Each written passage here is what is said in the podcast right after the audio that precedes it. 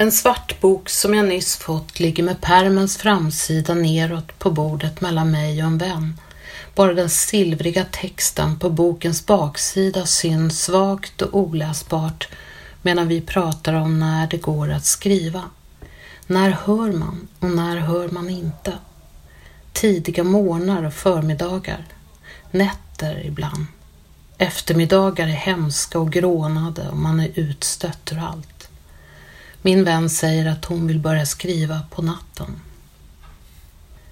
Det här är min första stund med Anna Margolins bok Detta är natten. Det är som om den svarta boken legat där mellan oss och lyssnat till samtalet. Vem var Anna Margolin? Hon föddes som Rosa Lebensboim i en judisk familj år 1887 i Brest i Vitryssland.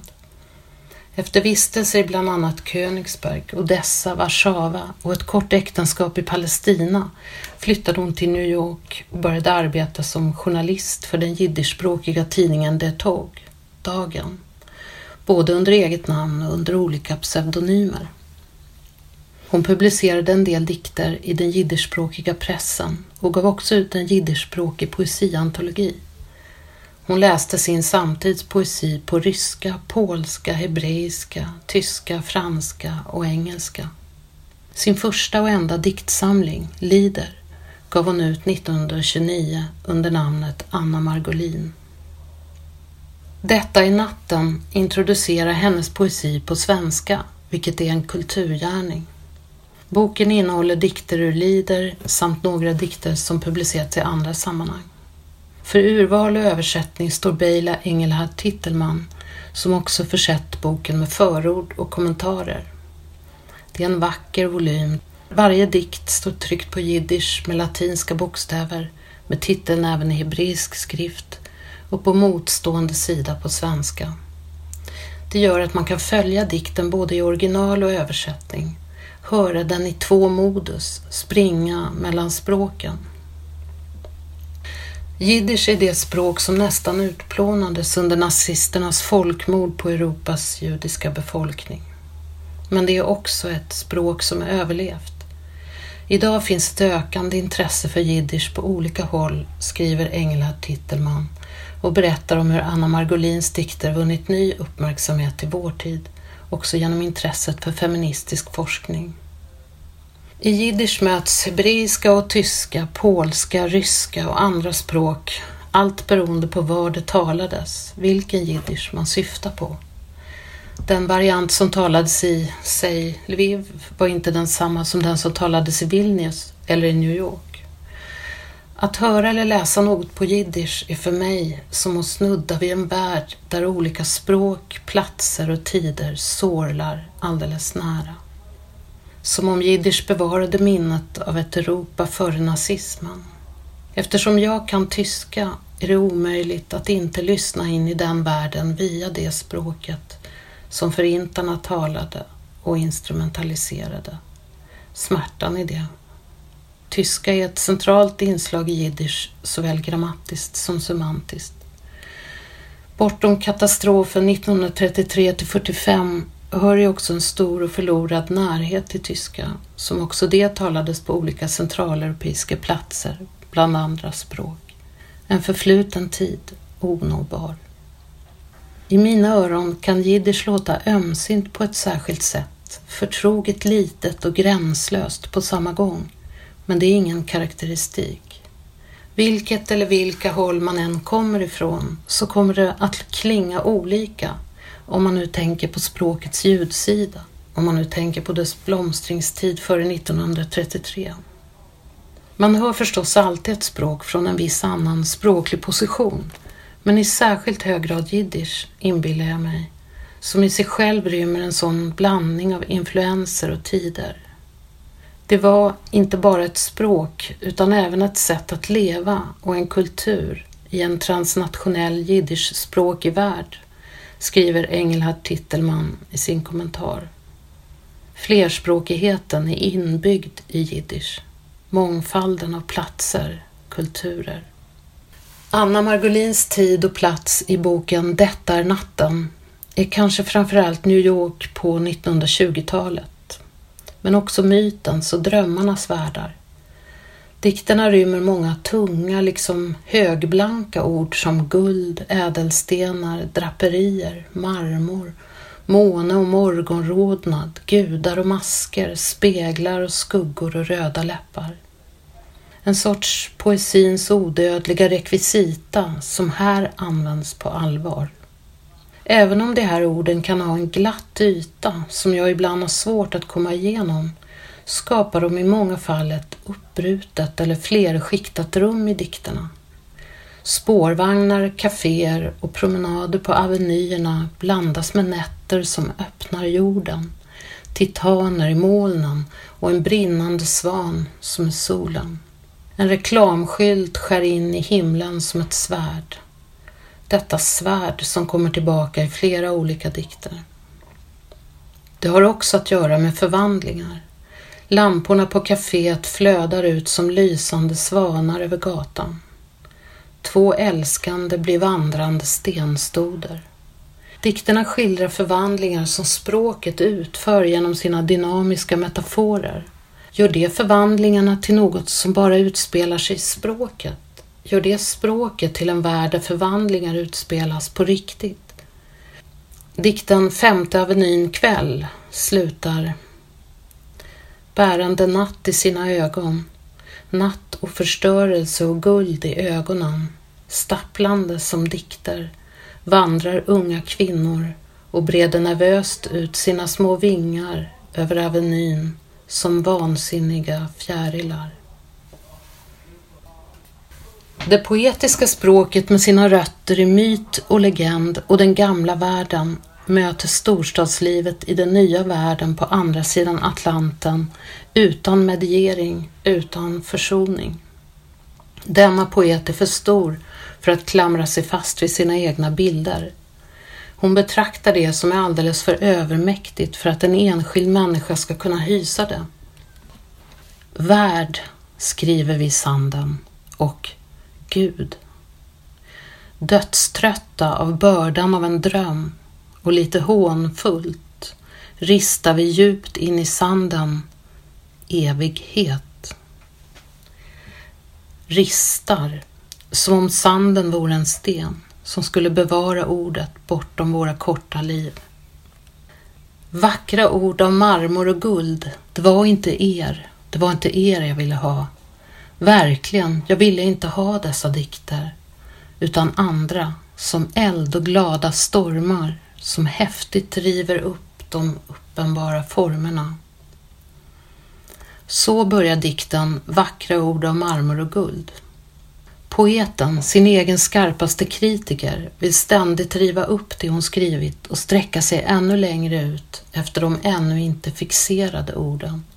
I en dröm om poesin som inte är börda utan liv, fastän orden eld och storm väl återigen är hämtade ur poesins klassiska ordbok. Diktjaget svär vid Else Lasker Rilke och Baudelaire.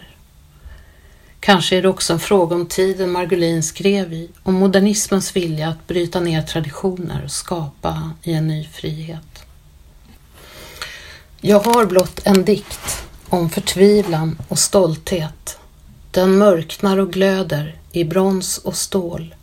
Ett rått ackord, mycket tystnad, mycket skugga. Så börjar blott en dikt som tycks rotad i modernismen. Men modernismen är lika förenklande och trång som allt annat. Särskilt för en kvinnlig poet på den plats och i den tid då Margolin skrev, då drömmar om fullständig frihet för övrigt inte lika självklart tillerkändes kvinnliga konstnärer. Hennes dikter byter perspektiv gång på gång, ställer sig på olika platser, brer ut ett överjordiskt skimmer över en scen och släpper sedan in demonerna. I början av läsningen tänker jag mycket på hennes första namn, Rosa Lebensboim. Ros och livsträd. Ett namn innerst i poesins ordbok, mättat med århundradens, årtusendens symbolik. I den långa dikten Min stam talar skildrar hon män som sent på natten talar med Gud, Köpmän med vita manschetter och kloka mätta blickar. Kvinnor som avgudar med död lust i blicken. Jag känner inte igen min röst, skriver poeten som brutit upp från sin familj. Jag tänker mig att de träd, grenar och blad som här och var framträder i dikterna också förhåller sig till bitar av hennes första namn. Sen släpper jag det spåret. Kanske skulle jag inte ha det så svårt om jag inte drömde om dikter, avslutar hon dikten Nicht inte nöjd, som skissar en fattig emigranttillvaro i ett Feuernisch Rom och hur diktjaget vaggas på spårvagnen bland gråa och slitna judar. Margolin beskriver en dubbel hemlöshet där diktjaget bara har sin dröm att ty sig till. Jag är inte nöjd med någonting, heter det i dikten. Ich bin nicht zufrieden mit kein Sach. Att hålla sig med gränslösa drömmar i New Yorks invandrarkvarter, att skydda poesin och det ouppnåeliga är poetens överlevnadsstrategi och oinfriade triumf, som också blir en nattlig blasfemi gentemot de heliga och gula dagarna. Men det går förstås inte att sammanfatta den här dikten på det sättet. Margolins dikter är komplexa och opererar på flera nivåer samtidigt. I många dikter slår kraften emot mig, modet att tro och vara trolös, att dra de yttersta konsekvenserna av det konstnärliga skapandet, att bli hemlös. I sitt gamla land, i sitt nya land, i den begränsande roll som tillskrivs kvinnor inom konsten, äktenskapet och arbetslivet. Ganska många dikter skildrar åldrandets nederlag, kärlekens nederlag, poetens nederlag eller trohet. Mellanstrofen i dikten Epitaf lyder Berätta att hon fram till döden med bara händer troget skyddade elden som hade anförtrotts henne och brunnit i sin egen eld. Engelhard Tittelman berättar i sitt förord att när Margolins dikt Marie will seine Bettlerin publicerats i den anarkistiska tidskriften Die Freie Arbeiterstimme uppfattades den i de manliga konstnärskretsarna som skriven av en man. Ingen visste först vem som dolde sig bakom pseudonymen. Bara detta att poeten Anna Margolin, före detta Rosa Lebensboim och Sofia Brandt, Clara Levin och Javi Gross skrivit under så många nom de plume berättar något viktigt om henne och hennes tid. De tidigare namnen använde hon bland annat när hon skrev i tidningar som De Tog, där hon hade en veckokolumn med föreskrivet kvinnligt tema Hinner der i kvinnovärlden. I en av kolumnerna hade hon skrivit i amerikanska tidningar finns inga kvinnor som är redaktionschefer, chefer eller gästkrönikörer. Varför? Eftersom kvinnor endast tillåts skriva om kärlek och till och med om detta måste de skriva banalt eftersom originalitet är den kortaste vägen till papperskorgen. I den första dikten i samlingen är diktjaget en ung man från antikens värld, en Caesar, som för att omedelbart visa läsaren att här inte kommer att vankas någon genreromantisk Freundlyrik. I en av dikterna längre in i boken träder en mörk kvinna in i ett rum där, som i en stumfilm, lampskenet spelar oroliga ballader på den svarta monsterflygeln Fåtöljen sväljer henne. Hon försvinner. Hon är bara en vas för den stora sorgsna hyacinten. Jag undrar om hela diktsamlingen skulle kunna läsas utifrån den kvinnan i det mörka rummet. Hon som måste förvandlas från vas till en kvinna som kan skriva om allt. Också om en kvinna som sväljs av en fåtölj och försvinner i en vas för en månblind sorg. Och när hon skriver om henne är hon ute ur rummet. Men att söka en enda utgångspunkt i sin läsning är förstås omöjligt i dessa dikter som ofta arbetar med sammanställningar av fragment och låter perspektiv och positioner växla inom sig. Också jag som läsare vill ställa mig på olika platser hela tiden när jag ska försöka ge en bild av dem. som en sorts kubism. Men jag släpper det. Ändå vill jag hela tiden visa nya sidor hos Margolins poesi, nya utslag av intelligens, otålighet och hängivenhet. Det har kanske också att göra med att denna poet bara gav ut en enda bok.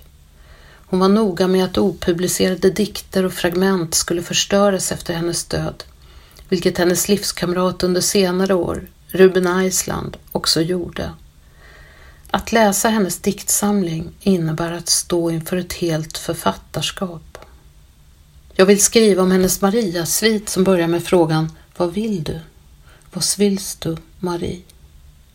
Maria är en främling på sin egen fest där alla männen hon kände sitter, barnet och tiggaren.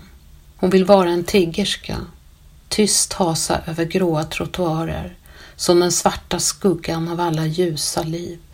Skänka bort sig själv, ömsint, brinnande och skoningslöst. Maria ber vid världens kant och duet, Gud, går mörk genom mig som dödens timme går som ett brett blixtrande svärd. En liknelse som återvänder från ovan nämnda blott en dikt, eller blott en dikt, där poeten går som ett svärd genom dikterna. Jag vill skriva om hur poeten Margolin skriver om åtrå, svek, förlust, om ömhet vid tystnadens gräns. Jag går genom dig som genom en besegrad stad och när du omfamnade mig som med tusen händer i natten var det förstörelse i alla de tusen händerna. I en annan dikt sliter en kvinna med man och barn och den evigt naiva dialogen men får ett främmande ansikte i sömnen och kommer genom många scenerier fram till en kvinna medan den vakande mannen kysser henne tillbaka. I en av de titellösa dikterna i den sista avdelningen i boken talar ett jag med ett du om lycka och lämnar scen efter scen av kärlek. Nej, inte det, inte det, men hör hur döden leende brukade böja sig över vår glädje. Och alla dagar var purpur och alla var tunga. Jag läser dikten till höger på sidan, dikten till vänster. Det är en rikedom med böcker som låter dikter tala på flera språk. På några ställen undrar jag.